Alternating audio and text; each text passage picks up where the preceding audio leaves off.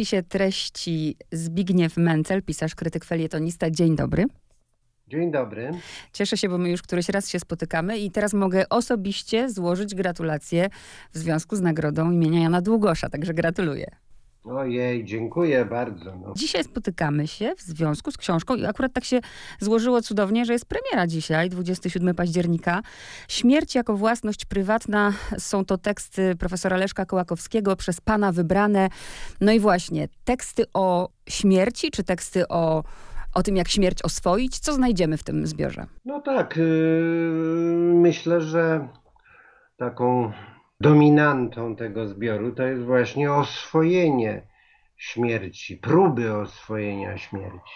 Ale co jest ciekawe, myślę, to, że Kołakowski z jednej strony pisze o wielkich filozofach, którzy zmagali się z tym problemem, śmiercią, oswojeniem śmierci. Nie tylko klasycznych filozofów, ale także współczesnych. I jednocześnie jest coś, co mnie jakoś ujmuje. I próbowałem w tym wyborze tekstów dać wyraz temu, że z jednej strony wybitni intelektualiści, filozofowie, myśliciele, pisarze, no, zajmowali się bardzo poważnie tematem śmierci, a często w swoim własnym życiu ta śmierć budziła w nich jakiś zabobonny lęk, którego by się właściwie wstydzili. No. Takim e, filozofem, przyjacielem Kołakowskiego i Czesława Miłosza był Tadeusz Kroński, nazywany Tygrysem. Wybitny intelektualista, a jednocześnie to był człowiek, który histerycznie reagował na mówienie o śmierci i żądał, żeby w Instytucie Filozofii zdejmować ze ścian portrety filozofów, którzy umarli w młodym wieku. No, no to było dość takie śmieszne, no, ale właśnie śmieszne, a jednocześnie bardzo prawdziwe, że z jednej strony staramy się intelektualnie oswoić y, śmierć, a z drugiej strony ona budzi właśnie takie lęki, y, które wyrażają się może w śmiesznych zachowaniach. Zanim przejdziemy do Kołakowskiego jako filozofa myśliciela, to można powiedzieć, że śmierć dotknęła go no, wyjątkowo wcześnie. Mam na myśli na przykład śmierć matki. No tak, myślę, że to było takie kluczowe doświadczenie, które bardzo wpłynęło na Kołakowskiego. Tyle tylko, że on bardzo niechętnie o tym, o tym mówił. No, nawet nie tyle niechętnie o tym mówił, w ogóle nie chciał mówić. Ale jednak e, to było, no bo utrata matki w wieku trzech lat no to, to, to jest y, okropna rana, która zostaje. Piszę o tym później w przedmowie swojej do tego wyboru, że no także śmierć ojca była czymś okropnym. A Kołakowski był wtedy nastolatkiem, kiedy gestapo aresztowało ojca i potem został zamordowany. E, no i był taki odruch, podobno to przez ciotkę Kołakowskiego odnotowane, że, no, że on był świadkiem, ten 13-14-letni chłopak, jak ojca zabierali i jakoś przeczuwał, że to jest koniec i chciał iść razem z nim, ale no, na szczęście ciotka i inni krewni go zatrzymali, no, ale to są takie traumy, które e, zostają, to go naznaczyło, napiętnowało. I choć ta śmierć jakby nie jest na pewno tematem jakby głównym jego myśli, to, to jest bardzo ważna. Ciekawi mnie klucz, bo tu powiedzmy słuchaczom, że znajdują się tu teksty, w tym dwa zupełnie dotąd niepublikowane. A jakim kluczem pan to układał wszystko? Tutaj to, to nie jest jakaś e, zagadka, ani coś e, bardzo oryginalnego. Po prostu kluczem jest chronologia. Mhm. Dlatego, że no, stosunek Kołakowskiego do śmierci, do umierania, a przede wszystkim do zagadnienia nieśmiertelności duszy i tego, co jest dla chrześcijanina najważniejsze, a więc do zmartwychwstania, zmieniał się bardzo w e, czasie lat i chciałem zachować e, te zmiany i moment taki, kiedy zaczynał pisać Kołakowski o tym zagadnieniu, to był taki moment, kiedy jak on mówił o sobie, był całkowicie pozbawiony w każdym sensie poczucia świętości. No a potem gdzieś tak od połowy lat 60., kiedy ten zanik poczucia świętości nie okazał się trwały, no to to potem się zupełnie zmieniło. Więc e, klucz do tego wyboru był E, po prostu to był czas, to była chronologia. Jeśli chodzi o gatunki, rzeczywiście, e, zresztą pan to we wstępie jakby zaznacza, że no, możemy tu spotkać przeróżne teksty, na przykład też scenariusz filmowy. No tak, y, oczywiście to był y, taki scenariusz, y, który zamówił u niego no, wybitny wtedy reżyser Andrzej Munk. To zresztą Kołakowski często mówił, że on zupełnie nie był przygotowany do napisania czegoś takiego jak scenariusz filmowy, że on się tego uczył, że Munkowi zawdzięcza to, że się przynajmniej trochę poduczył tego e, gatunku, ale E, skoro Pani o tym wspomniała, e, no to mm, dla mnie jednym z najważniejszych, choć jednym z najkrótszych tekstów w tej książce jest e, tekst napisany dzień po śmierci Andrzeja Munka tragicznej śmierci w wypadku samochodowym pod Łodzią. I to jest rzeczywiście, to jest w ogóle zagadkowy tekst y, w sensie jego historii, ponieważ Kołakowski, jak rozmawiałem z nim po, nie wiem, 40 latach później, był przekonany, że ten tekst się ukazał drukiem w dialogu. I powinien się ukazać, bo nie było przeszkód cenzuralnych, żeby on się nie ukazał. A jednak się nie ukazał, a potem w niejasnych okolicznościach e, zaginęła jedna strona maszynopisu. I ten maszynopis, który dzisiaj się znajduje e, w archiwum Kołakowskiego w Bibliotece Narodowej, właśnie jest okaleczony. Nie ma tej jednej strony. A mimo to jest to tekst e, zupełnie przejmujący. Ja, czego trochę sprzeniewierzyłem się Kołakowskiemu, bo on nie lubił, żeby jego tekstom pozbawionym tytułu nadawać tytuł.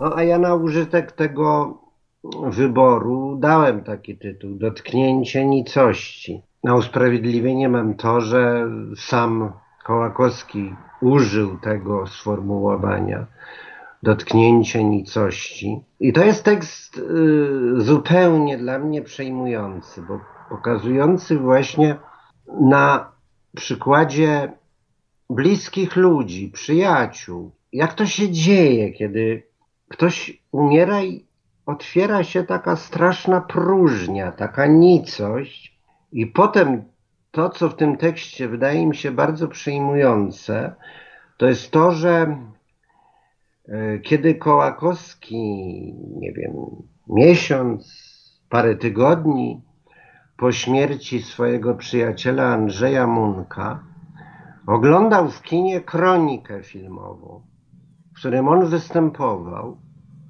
to to było porażające doświadczenie dla niego, bo z jednej strony patrzę w kinie na kronikę filmową, widzę swojego przyjaciela, a jednocześnie jest jakaś nieskończona odległość, nie do przekroczenia zupełnie. Bardzo przejmujący tekst. Tak, to pamiętam i pamiętam też w tekście właśnie to, co też zrobiło na mnie wrażenie obsesja śmierci, kiedy on dowiaduje się po wielu miesiącach, prawda, o, o śmierci przyjaciela Tadeusza i mówi, że w moim dotychczasowym życiu nic to nie zmieniło, prawda, bo dopóki nie wiemy, to ten ktoś żyje cały czas. Tak, ale to teraz mówimy o Tadeuszu. Tak, tak, Krońcu. o Tadeuszu, tak. Tak, oczywiście, ale tu skoro y, mówimy właśnie o tej obsesji przedwczesnej śmierci Tadeusza Krońskiego i o tych jego zabobonnych lękach, no muszę pani powiedzieć, że y,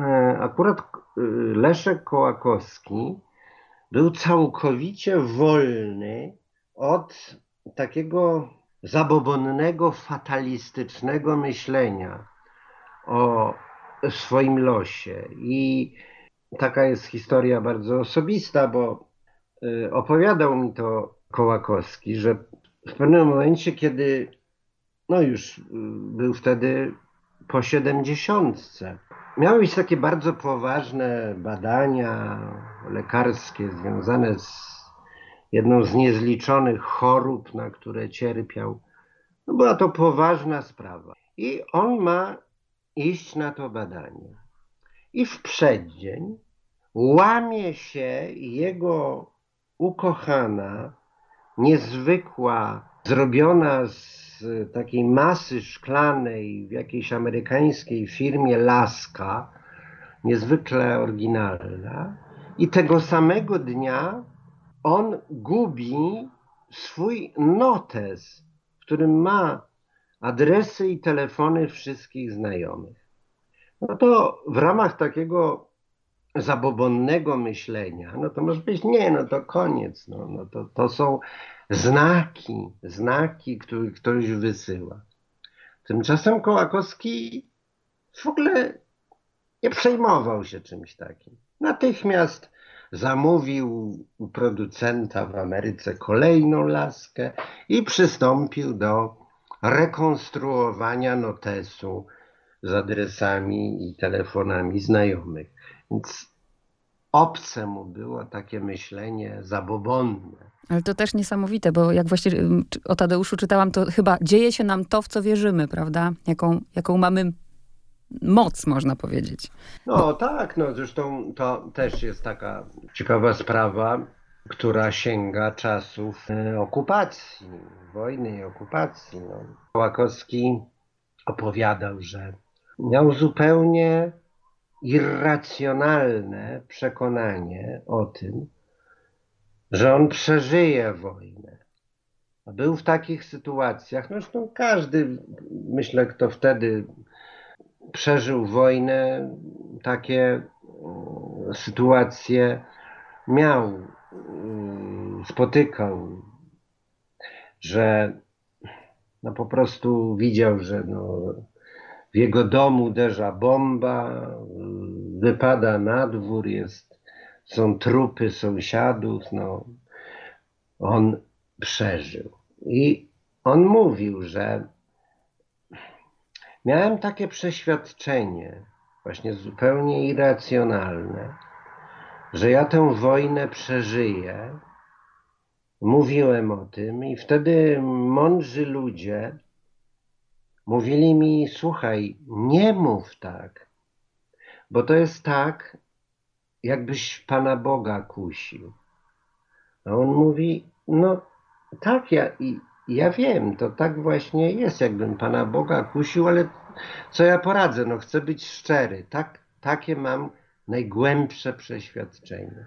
21 lat temu ukazuje się tekst Śmierć jako własność prywatna i mm, dzisiaj myślę o tym, że to może być dla niektórych kontrowersyjne. Wybiera pan, pan zresztą jako tytuł dla całego zbioru y, właśnie Śmierć jako własność prywatna, gdzie Kołakowski no, mówi wprost, że mm, martwi go niejako to, bo, że jeśli po prostu mm, mowa tu jest o przeszczepach, prawda, że jeśli będziemy traktować siebie jako przedmioty wymienialne, to będzie kres naszej kultury. Myślę, że nie wszystkim się to dzisiaj może spodobać. Tak, e, zwraca Pani uwagę na taki dość istotny i e, tak jak Pani powiedziała, no, kontrowersyjny dzisiaj pogląd Kołakowskiego, e, że on mówi, no, nie, nie chce, żebyśmy byli zespołem części wymiennych, no także po śmierci. No tak, tylko no to, to było jednak pisane wcześniej, chociaż, chociaż i później do tego wracał.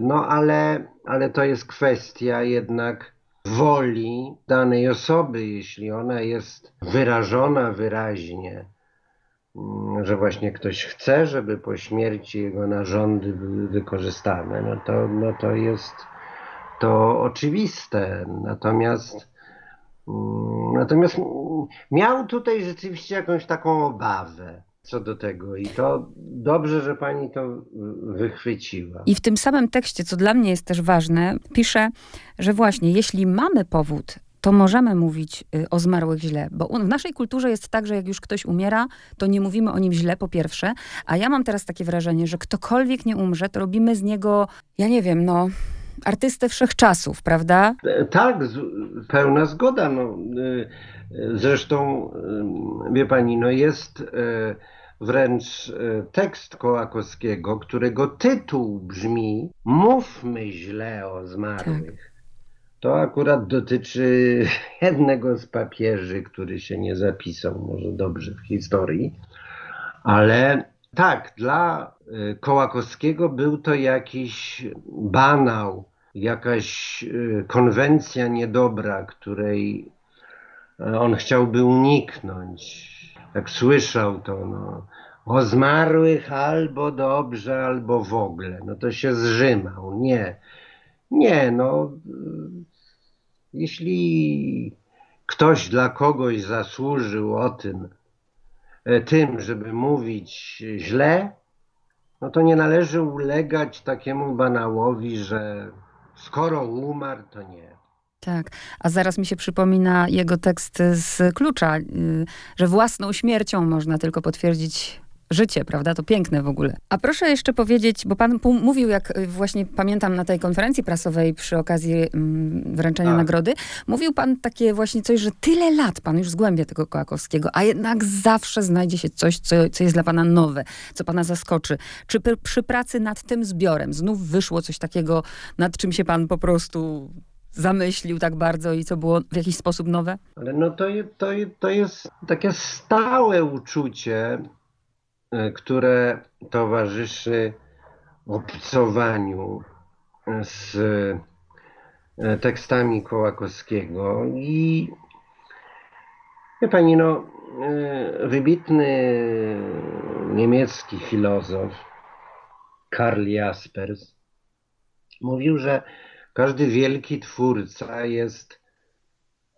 przepraszam, no powiem, unendlich deutbar, czyli niewyczerpany nigdy w odsłanianiu coraz to nowych bogactw swoich.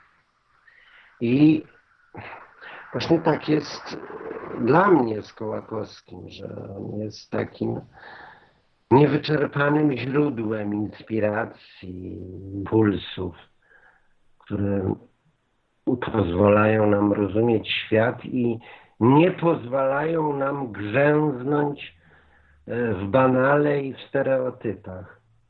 I oczywiście także w tych tekstach o śmierci, o umieraniu, no też to zauważam, zwłaszcza w, na przykład w takim tekście, który jest fragmentem e, książki Obecność mitu, i który mówi o takim uczuciu przerażenia, które ogarnia nas, kiedy myślimy o śmierci, przerażenia, że świat jest obojętny no, wobec nas i że jest tam taka piękna metafora, że to jest tak, jakbyśmy się znaleźli w domu rodzicielskim i nagle rodzice nie poznają swojego dziecka. No. Mm no to to jest właśnie taka obojętność świata wobec tych, którzy odchodzą. Tak, to też prawda. Ważny tekst. Zresztą w ogóle w kontekście myślenia o śmierci to ta książka, którą, której tytuł pan podał, jest bardzo ważna. A na koniec, za co w ogóle dziękuję, bo bardzo lubię ten tekst, kompletna i krótka metafizyka. I dziękuję za to, że zdecydował się pan dodać to postscriptum. To, jak Kołakowski dyskutuje y, o tym tekście z czytelniczką. Tak, z osiemnastoletnią dziewczyną, która napisała do redakcji Tygodnika Powszechnego, gdzie no, ta krótka metafizyka się e, ukazała. E, no, taka jest zagadka dla mnie. Nie wiem, czy to jest prawdziwy list, czy to jest jakiś apokryf, no ale myślę, że jest prawdziwy. No. I tak, y, ma pani rację, to jest, e, no to jest świetne, to jest fajne, że Mhm. Kołakowski zdecydował się odpowiedzieć na ten list tej osiemnastolatki, miłej, acz nieznanej Wandy. No starał się bardzo oczywiście lakonicznie, no bo to jest, e, to jest list e, krótki. Raz jeszcze powiedzieć, co to znaczy, że śmierć jest jednym z filarów naszego życia. I właśnie koń, w, w ogóle Kołakowski potrafi w tak krótki sposób zawrzeć sedno i myślę, że dobre zakończenie naszej rozmowy to jest właśnie, że, że z pewnością e, trzeba pamiętać o niej. Bo patrząc na to, jak w ogóle w kulturze, w popkulturze jest przedstawiana śmierć, to, to zupełnie inaczej. Więc warto pamiętać o niej, bo jest częścią naszego życia. Zgadzam się, tak właśnie Kołakowski myślał. Dziękuję pięknie za rozmowę. Dziękuję bardzo.